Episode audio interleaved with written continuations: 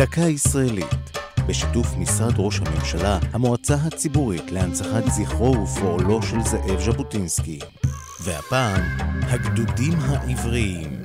בדצמבר 1914 הודיע קרוז טורקי לתושבי יפו, רובם נתינים רוסים. עליכם לעזוב מיד ולעבור למצרים.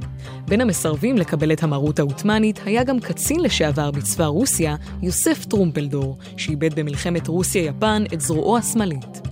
באלכסנדריה פגש את המנהיג והעיתונאי זאב ז'בוטינסקי, שניהם היו בני 34, ויחד הגו רעיון להקמת יחידה יהודית לוחמת, לצד צבא בריטניה. כמה מאות מתנדבים גויסו, ותוך זמן קצר הוקם גדוד תומך לחימה בשם גדוד נהגי הפרדות. כך נולד הרעיון שנתפס כחדשני, יהודים יכולים ללבוש מדים ולהילחם בקרב. טרומפלדור היה לסגן המפקד.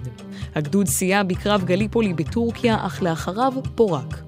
ז'בוטינסקי וטרומפלדור לא ויתרו.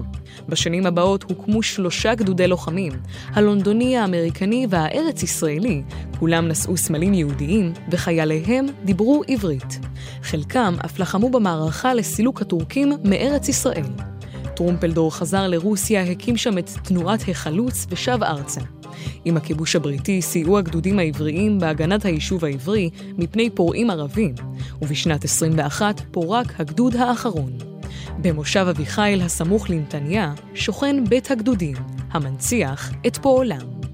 זו הייתה דקה ישראלית לציון 140 שנה להולדתו של זאב ז'בוטינסקי, בשיתוף משרד ראש הממשלה, המועצה הציבורית להנצחת זכרו ופועלו של זאב ז'בוטינסקי. כתבה טליה כהן, ייעוץ הדוקטור מרדכי נאור, הגישה עמלי חביב פרגון.